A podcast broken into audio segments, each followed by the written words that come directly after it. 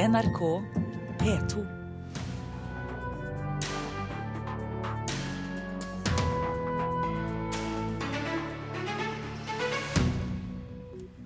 Ny bok basert på avdøde Stig Larssons millennium-konsept får sterk kritikk fra norske krimforfattere. Hans Olav Lahlum har skrevet testamentet for å sikre sin litterære arv. 2015 ser ut til å bli det store aldersdemensåret innen teater, film og litteratur. Og det kan skape økt forståelse, tror Interesseforening for demente. Og Justin Bieber har fått over 30 kjendiser til å reklamere for sin kommende singel. Smart, mener markedsføringsspesialist. Kampanjer på sosiale medier kan gjøres nesten kostnadsfritt. Og dette er saker du får høre mer om i Kulturnytt med Birger Kålsrud Jåsund i studio. Krimforfatter Hans Olav Lahlum har skrevet testamentet for å unngå det som nå skjer med Stig Larssons forfatterskap etter hans død. Og flere norske forfattere vurderer å gjøre det samme. I morgen blir fjerde bok i Millennium-serien om Lisbeth Salander gitt ut, skrevet av en annen forfatter enn avdøde Stig Larsson. Samtlige av de norske krimforfatterne NRK har snakket med, er kritiske til utgivelsen. En av dem er Anne Holt. Etter min mening så minner det sterkt om en slags litterær likskjending. Hva kan du berette for meg om Blomkvist? Mikael Blomkvist, även kjent som Kalle Blomkvist. At Lisbeth Salander og Millennium-universet skulle bli en milliardsuksess, fikk forfatter Stig Larsson aldri oppleve. Bøkene var ikke utgitt da forfatteren døde av hjerteinfarkt i 2004. Larsson fikk dermed aldri sjansen til å sjøl bestemme framtida til sine karakterer og sitt krimunivers. Venner av forfatteren har kalt den fjerde boka i Millennium Millennium-serien en gravplyndring. Anne Holt kaller det en litterær likskjending. Dette er åpenbart noe Stig Larsson selv ikke har hatt tid til å sette seg inn i. Han døde veldig brått. Og så lenge det ikke foreligger noe eksplisitt samtykke fra ham, så er jeg sterkt kritisk til det. Samtlige av de åtte andre norske krimforfatterne NRK har snakka med, er også kritisk. Gunnar Staalesen, Karin Fossum, Jørn Lierhorst, Tom Egeland, Gert Nygårdshaug, Jon Michelet, Tom Christensen og Hans Olav Lahlum. Det er mye pga. det som skjedde med Stig Larsson og hans samboer og historien videre der, så hadde jeg lagt igjen klare instruksjoner for hva som skal skje videre med mitt forfatterskap, og hvem som kan bestemme hva i tilfelle av min død. Lahlum har skrevet testamentet. Jon Michelet forteller at han har tenkt tanken, og Tom Christensen har fått en støkk av Stig Larsson-saken. Kanskje jeg burde skrive det i et slags testamente, at det tillater jeg ikke. Gunnar Staalesen og Anne Holt er blant forfatterne som ikke føler det er nødvendig å skrive testamentet. Stoler absolutt på at mine etterlatte vil passe på at Vargveum Varg Veum lever et liv i min ånd hvis han skulle dukke opp igjen etter min død. Er du jeg er gift med en forlegger som eventuelt ville overta rettighetene etter min død, og jeg er 100% sikker på at hun aldri ville funnet på noe sånt. Stig Larsson, Verblendung. Lisbeth Salander, du må mir helfen. Stig Larssons Millennium-trilogi er solgt til over 50 land, og har ifølge avisa Dagens Industri tjent inn rundt 4 milliarder svenske kroner. Vi nordmenn har kjøpt 1,2 millioner av totalt 80 millioner solgte bøker på verdensbasis. Det er jo snakk om store penger her, og det er vel det som er motivet. Og det også gjør det jo enda mer usmakelig. De skal ha veldig gode grunner for å gå videre med det uten hans tillatelse. Det sier forfatterne Gert Nygårdshaug og Karin Fossum. Det er den enorme kassasuksessen som gjør Stig Larssons tilfelle så spesielt. Her i Norge er det kun Jo Nesbø som er i nærheten, påpeker forfatterkollegene Anne Holt og Tom Egeland. Hvis uh, Jo Nesbø, som er glad i å klatre, skulle falle ned fra en fjellvegg, så ville det jo ikke være sånn at en annen forfatter bare kunne overta Harry Hole og skrive nye bøker om Harry Hole. Men han kan jo selvfølgelig, om han ønsker det, selge figuren sin, selge universet sitt. Det er det en del som får tilbud om. Det har faktisk også jeg fått tilbud om. Det har forfatteren i live og kan bestemme selv. Og det har jeg ingenting imot, hvis de selv vil sine figurer så vondt.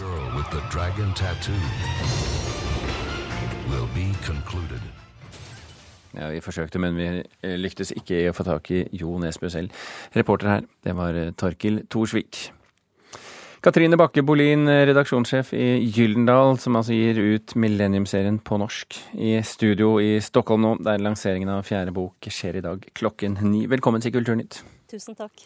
Hvilke vurderinger gjorde Stig Larssons eh, forlag før det ble bestemt at det skulle skrives en ny bok i Millennium-serien? Nei, Nå var det jo eh, hans svenske forlag Norstedts som eh, initierte utgivelsen, og jeg kan åpenbart ikke uttale meg på vegne av dem. Men, Men eh, årsaken til at vi eh, valgte å gjøre den, det er at vi ønsket å tilby en eh, etterlengtet fortsettelse for alle dem som har latt seg fascinere av Millennium-boken. Vi eh, ønsket å være med på å holde liv i de unike karakterene og universet som Stig Larsson skapte, og har også tenkt at ti år etter at Menn som eh, hater kvinner kom ut, så var tiden inne. Karin Fossum sier jo her at hun håper det er andre motiver enn inntjening og økonomi som ligger til grunn. Er det det? Det er jo aldri slik at eh, rettigheter til utgivelse kjøpes ene og alene basert på inntjening. Det er alltid en rekke faktorer som ligger til grunn for en antakelse, og økonomi er en av dem, selvsagt.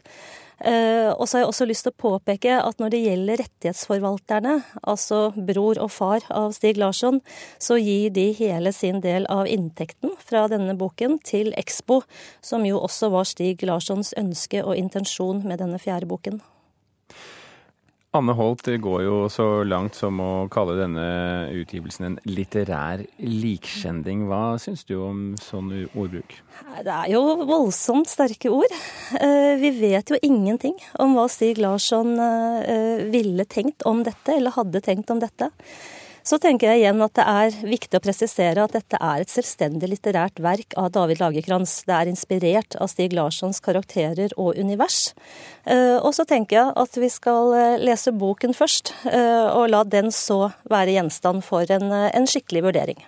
Men hva vet forlaget egentlig da om Stig Larssons eget ønske for, for arven? Det, det var vel ikke så mye som kom opp, antar jeg?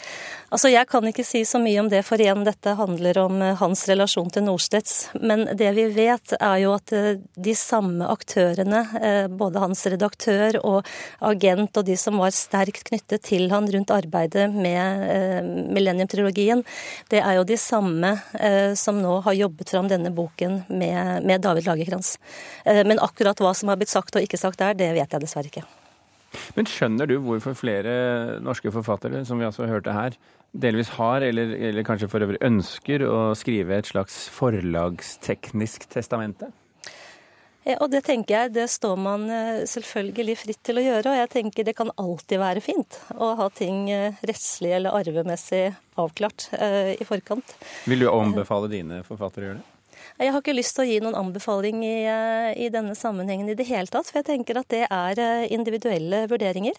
Så er det jo slik at forlag alltid driver med rettighetsforvaltning. Um, og da er det slik at det er uh, jussen ofte som man må forholde seg til. Og i dette tilfellet så er det jo rettigheter som er eid av Stig Larssons far og bror. Og slik jeg ser det, så har både forlag og de som har håndtert disse rettighetene de siste ti årene, gjort det med kløkt og nensomhet. Um, og så må jo de enkelte forfatterne gjøre det de eh, selv ønsker. Katrine Bakke Bolin, redaksjonssjef i Gyldendal, takk for at du kunne være med oss eh, fra Stockholm. Vi holder oss til Millennium-serien litt til, for danske Politikkens kulturredaktør oppfordret i går til boikott av den nye Millennium-boken pga. vilkårene som er satt rundt lanseringen. Han reagerte bl.a. på at journalistene ikke fikk lese boken før de skulle intervjue David Lagerkrantz, som har skrevet boken altså. Nå sier Lagerkrantz at han kan forstå at det kommer reaksjoner, men det var et selvklart krav framfor alt fra USA. For at det her er et trykk på denne boken som egentlig overstiger det meste vi har sett.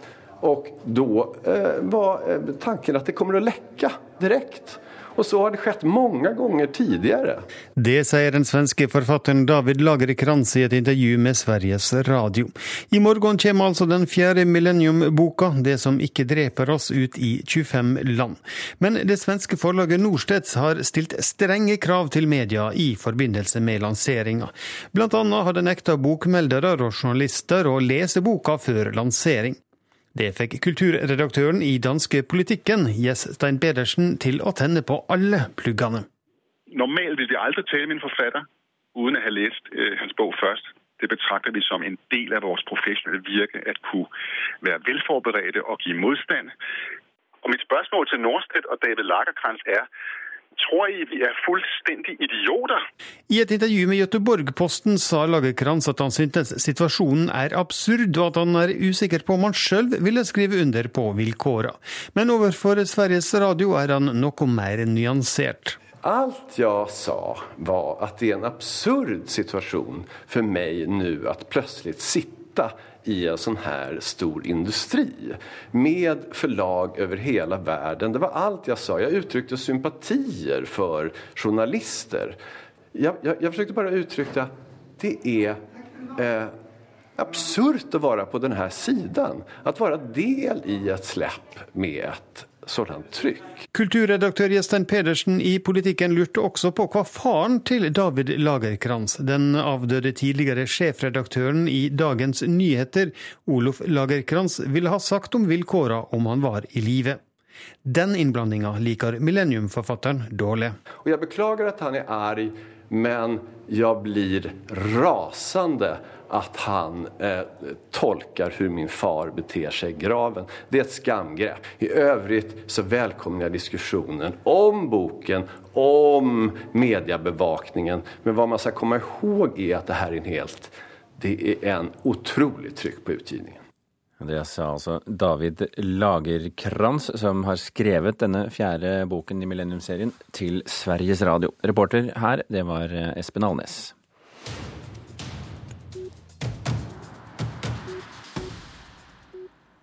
2015 ser ut til å bli det store aldersdemensåret i kunst og kulturliv. Både en av årets Hollywood-filmer og en internasjonal bestselgerroman har handlet om Alzheimer og demens, og i høst kommer fire teateroppsetninger om denne sykdommen i Norge. Foreningen som jobber for demente og pårørende håper det kan bidra til økt forståelse for sykdommen. Ja, ja. ja nei, det var bare en snartur for å se hvordan du har det. Jo takk, jeg har det bra. I stykket 'Jeg heter Bente', som har premiere ved Rogaland teater neste helg, spiller Mette Arnstad en suksessrik journalist som får sykdommen Alzheimer i en alder av 57 år. Hvem er du? Marie. Bente, det er Marie. Ikke se sånn ut, da. Jeg ser jo det. Altså, det er så mange mennesker som får det. Og alle familier har jo noen i familiene, noen kjente. Og det er noe med å gi dette stoffet en verdighet også. Altså, det trengs jo. At han syns at du skal gi deg nå, mens før du blir helt Dette er for din egen skyld. Hun sier faktisk at hun har hatt sine beste dager. Nå begynner jeg å grine, fordi at hun har hatt sine beste dager sammen med venninnene. De, de, er nødt til å leve sammen. Det er venninnene som er den sykes nærmeste pårørende i dette danske stykket, som også settes opp på Det Norske Teatret i Oslo i høst. Til stor glede for generalsekretær i Nasjonalforeningen for folkehelsen, Lisbeth Rugtvedt. Jeg syns det er kjempefint, fordi demens er en sykdom som ikke bare rammer den som selv blir syk, men som også rammer eh, familie og venner. Så det er en sykdom vi trenger å snakke mye mer om. Og da tror jeg kulturbidrag kan bidra til at vi får i gang nye samtaler, finner godt språk for å snakke om dette som mange syns er en vanskelig sykdom. Eh, du, du, skal ikke slutte med å skrive, men det er bare du, altså, det at Hva handler dette om? Har Bente fått sparken? Minst 70 000 nordmenn lider av Alzheimer eller annen demenssykdom, ifølge laveste anslag. Rundt 300 000 er pårørende, og innen 2040 vil antallet trolig dobles med en aldrende befolkning. Utviklingen kan vi nå for alvor merke også i kunsten. Tidligere i år så vi Julianne Moore spille Alzheimer-rammet lingvistikkprofessor i kinofilmen 'Still Alice'. I have Alzheimer's disease. Early onset. Og i 2013 kom den franske suksessfilmen 'Amour' om et aldersdement ektepar. Samtidig er en av årets mestselgende bøker den britiske krimromanen 'Elisabeth er borte', om en dement kvinne som leter etter en savnet venninne. Og Gjennom teater og bøker så kan man jo få fram sant, disse perspektivene med at selv om man har en sånn sykdom, så eh, er livet mye mer. Og de som har sykdommen er mye mer enn sykdommen. Lisbeth Rugtvedt kan bare spekulere i hvorfor dette demensfokuset kommer i kulturen akkurat nå. Så vet vi nå at i veldig mange land så er eh, demens og Alzheimer et økende problem fordi levealderen øker. Så politisk er det satt mye sterkere på dagsordenen. Ja, men det er for at jeg skal miste verdigheten. Og jeg hater dette her. Jeg hater Foruten Jeg heter Bente i Oslo og Stavanger, venter teater om demens både ved Oslo Nye Trikkestallen og på Nationaltheatret i høst. Nå! Ut, for faen! Rugtvedt, som jobber for å fremme demente og pårørendes interesser, mener kunsten har en helt egen rolle å spille. Men spørsmål om eh, hvordan bruker vi tiden, hva skjer med kjærlighet og vennskap når eh, man får en sånn eh, sykdom, hvordan kan man fremdeles skape mening? Altså Dette er dype eksistensielle problemstillinger, og jeg tror at det her har forfattere og dramatikere og kunstnere veldig mye å bidra med. Reporter her, det var Anette Johansen Espeland.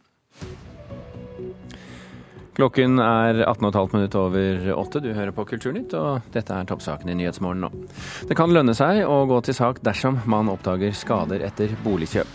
Over halvparten av alle som går til retten med klager, får medhold. Elever i Bergen eh, gjør det bedre på skolen enn elever i Trondheim. Det skjer selv om Arbeiderpartistyrte Trondheim bruker mer penger på skole enn Bergen, der det er borgerlig styre. To Nato-soldater er drept i et angrep på en base sør i Afghanistan, melder nyhetsbyrået AFP.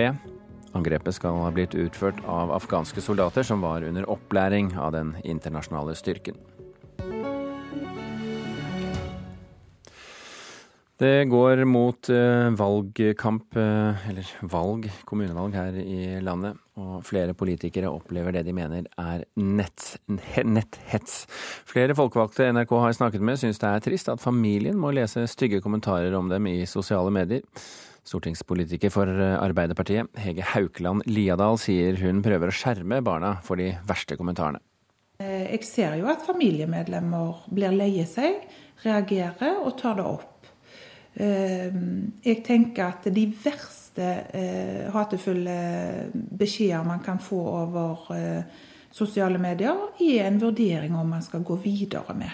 Enten svare opp personlig, ringe til vedkommende, eller i verste fall ta det med politiet. Hun har blitt hengt ut som klovn og blitt kalt uintelligent på nettet. Men Haukeland Liadal har etter hvert blitt mer tykkhuda. Hun mener mange ikke har noe filter for hva de skriver, eksempelvis på Facebook. Det er en tøffere tone på sosiale medier etter hvert som jeg, årene går. Det kan gå ei kule varmt for enhver, og da prøver jeg å trekke meg litt unna. Jeg har aldri stoppet meninger som er blitt ytra på, på min vegg, f.eks. Men jeg ser jo at debatten er høy og at enkelte temaer òg blir mer debattert med litt hatefulle meninger og ytringer. Også Høyre-politiker Dag Inge Aarhus fra Karmøy har opplevd å bli kalt stygge ting på nett, uten at han ønsker å utdype det. Han tror mange ikke klarer å skille politikk og person. Nei, det er klart, det har jo I perioder da så gjorde det at f.eks. vegra meg for å gå på butikken og handle hvis jeg visste at det var mye folk der. På grunn av at det var alltid noen som ikke kunne la være å, å koble den rollen en har som politiker og, og som vanlig innbygger i et lokalmiljø. Uh, og det er klart, De merka det jo litt hjemme, at det var ganske stort trøkk. Og det, det skal jo ikke gå utover verken det daglige livet ditt eller, eller, familien, det å være engasjert i lokalpolitikken, mener jeg da. Har det blitt uh, verre, syns du? Jeg syns det har blitt verre på sosiale medier. Ikke det at det, at det er sånn superalvorlige ting som kommer, men det er summen av det. For jeg tror ikke folk flest tenker over at uh, det lille jeg skriver er ikke så alvorlig. Men når summen av mange ting blir stort, så, så kan det bli alvorlig for den enkelte. Og det kan tror jeg til slutt medføre at det blir vanskeligere å rekruttere nye folk inn i politikken, som gjerne eh, lettere lar seg påvirke av å bli på en måte omtalt i negative eller litt nedsettende ordelag. da. Ytringsfrihetsadvokat Jon Wessel Aas merker en tøff tone i sosiale medier, og sier noen ikke alltid klarer å se hvor grensa bør gå. Det er jo mange vanlige mennesker som ja, som nå er blitt sine egne publisister. Eh, som ikke nødvendigvis reflekterer over eller er klar over at ting som man eh, godt kan si eh, i, det private rom, eh, over eh, kafébordet eller i samtaler over lunsjbord, at en del sånne ting som er lovlig å gjøre der, ikke nødvendigvis er det når man publiserer det offentlig. Har du noen gang vurdert å gi deg pga. Hatefulle meldinger og den typen ting? Nei. Ikke det, det, har jeg ikke. Og jeg oppfordrer politiske kollegaer, spesielt jenter, eh, som opplever dette, at eh, en snakker om det med kollegaer, eventuelt tar kontakt med vedkommende som legger ut ting. Ja, det sa Hege Haukeland Liadal til reporter Rosa Irén Villalobos. Debatten rundt fjorårets vinner av Ibsenprisen, Peter Hanke, kan livne til igjen i høst. Det skriver i hvert fall Dagsavisen. Den østerrikske dramatikeren har blitt kritisert for sitt engasjement for Serbia, og har blant annet blitt beskyldt for å bagatellisere Serbias krigsforbrytelser. I høst kommer det to bøker om Hanke. En handler om Hankes reiseskildringer fra det tidligere Jugoslavia, og i tillegg kommer en antologi av debatten i fjor, redigert av Kaja Skjerven Mollerin og Henning Hagerup. Til tross for all kritikken VG har fått de siste ukene rundt reklame som ser ut som journalistikk, var det 300 000 som leste reklamesaken på to døgn. Det skriver Dagens Næringsliv. Kritikken har gått på at skillet mellom reklame og uavhengig journalistikk blir visket ut, men det har tilsynelatende ikke hindret suksessen, i hvert fall ikke i første omgang. Vanligvis blir en sak med så mange lesere ligge på topp ti av de mest leste sakene, forteller VGs kommersielle direktør Christian Haneborg. Og så tar vi med at eh, USA og EU reagerer på at den ukrainske filmregissøren Oleg Sentsov i Russland er dømt til 20 års fengsel for terrorvirksomhet. Sammen med en annen ukrainer ble han tatt som gissel inne i Ukraina, for så å bli fraktet til Russland og påtvunget russisk statsborgerskap. EU mener Russland bryter folkeretten når Sensov blir dømt for forhold utenfor landets grenser. Regissøren debuterte med filmen Gamer på filmfestivalen i Berlin i 2012. Justin Bieber har samlet over 30 kjendiser for å promotere sin kommende singel. Kreative kampanjer som dette kan gjøres nesten helt kostnadsfritt, sier, kostnadsfritt, sier digital markedsføringsspesialist til oss. Fredag slippes singelen Bieber har fått kjendiser som Carla Ray Jepsen, Coldplace, Chris Martin og Ellen DeGeneres til å være med på. De har eh, startet nedtellingen på sosiale medier.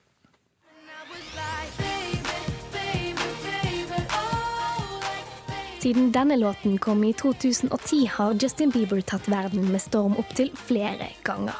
Og på tross av en rekke skandaler de siste årene, har han fortsatt sine kjendisvenner i ryggen. And, and, I know because I know you a little bit that you've been taking care of yourself and yeah. you're doing really, really good, and I'm yeah. proud of you. I, you. I, know you've uh, straightened up a lot and you look like it. I can tell. Og talkshow-vert Ellen DeGeneres er nå en av 30 kjendiser som er med på å telle ned til fredag 28.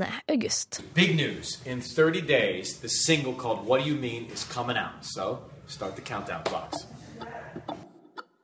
Ved å posere med plakater og spille inn videoer promoterer de alle Biebers kommende singel What Do You Mean på Instagram til hans over 37 millioner følgere.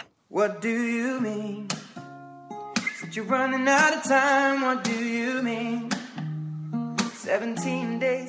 Og med navn som Ben Stiller, Ed Sheeran og programlederne i Today Show blir en allerede stor artist enda større. Good morning, everyone. We start the show this morning with big news in the world of music. That's right, Matt. Only 10 days. What do you mean? På Twitter er det publisert over 80 millioner meldinger med emneknaggen What do you mean? Justin Bieber, five days. What do you mean? What do you mean? Jeg syns det virker å være en fin uh, kampanje, egentlig. Jeg tror at uh, fansen til uh, Justin vil synes at dette er, er bra. Mona Fimreite jobber med digital markedsføring i musikkdistributøren Fonofile. Dette mener hun er nok et eksempel på hvor nyttig de sosiale mediene er for musikkbransjen. Dette er jo ting som er veldig interessant for, for fansen. Det å kunne få se hvordan det er backstage, kunne stå på scenen sammen med artisten omtrent. Det er masse forskjellige som artistene nå deler som de ikke gjorde før. Publikum kommer tettere på artistene via sosiale medier, noe som kan ha en svært god markedsføringsverdi. At kreftene nå er flyttet fra markedsføring via TV og trykte medier, kan også gjøre jobben langt billigere. Nå er jo eh, sosiale medier tatt over en god del. og der eh, finnes det mange måter man kan eh, rett og slett eh, markedsføre seg selv rimeligere enn det man kunne før. Jeg tror at hvis et helt nytt band fra Ørsta hadde begynt med nedtelling på Instagram eller sine sosiale medier, så tror jeg ikke det er så mange som hadde reagert på det. Simen Eidsvåg i musikkselskapet Haaland Eidsvåg og Strøm forteller at det fortsatt krever en del for å nå igjennom, men at nye plattformer også gir et større rom for kreativitet. Men det lokale bandet fra Ørsta kan finne på noe annet på sosiale medier som øh, man ikke kunne hatt muligheten til for kanskje ti øh, år siden. Selv har de bl.a. stått bak verdens første album på Instagram, der bandet The Lionshead la flere klipp av samtlige låter ut på egne Instagram-profiler. Som da fikk oppmerksomhet både i sosiale medier og i tradisjonelle medier, fordi de gjorde denne tingen. Gode resultater tror Eidsvåg at eh, Biebers kommende singel også vil få. Den vil sikkert eh, gå nummer én i veldig mange land. Eh, og bli omtalt og anmeldt og sikkert slakta og rosa om hverandre. Justin Bieber-låta eh, 'What Do You Mean' kommer ut på fredag. Reporter her, det var Marie Røsland.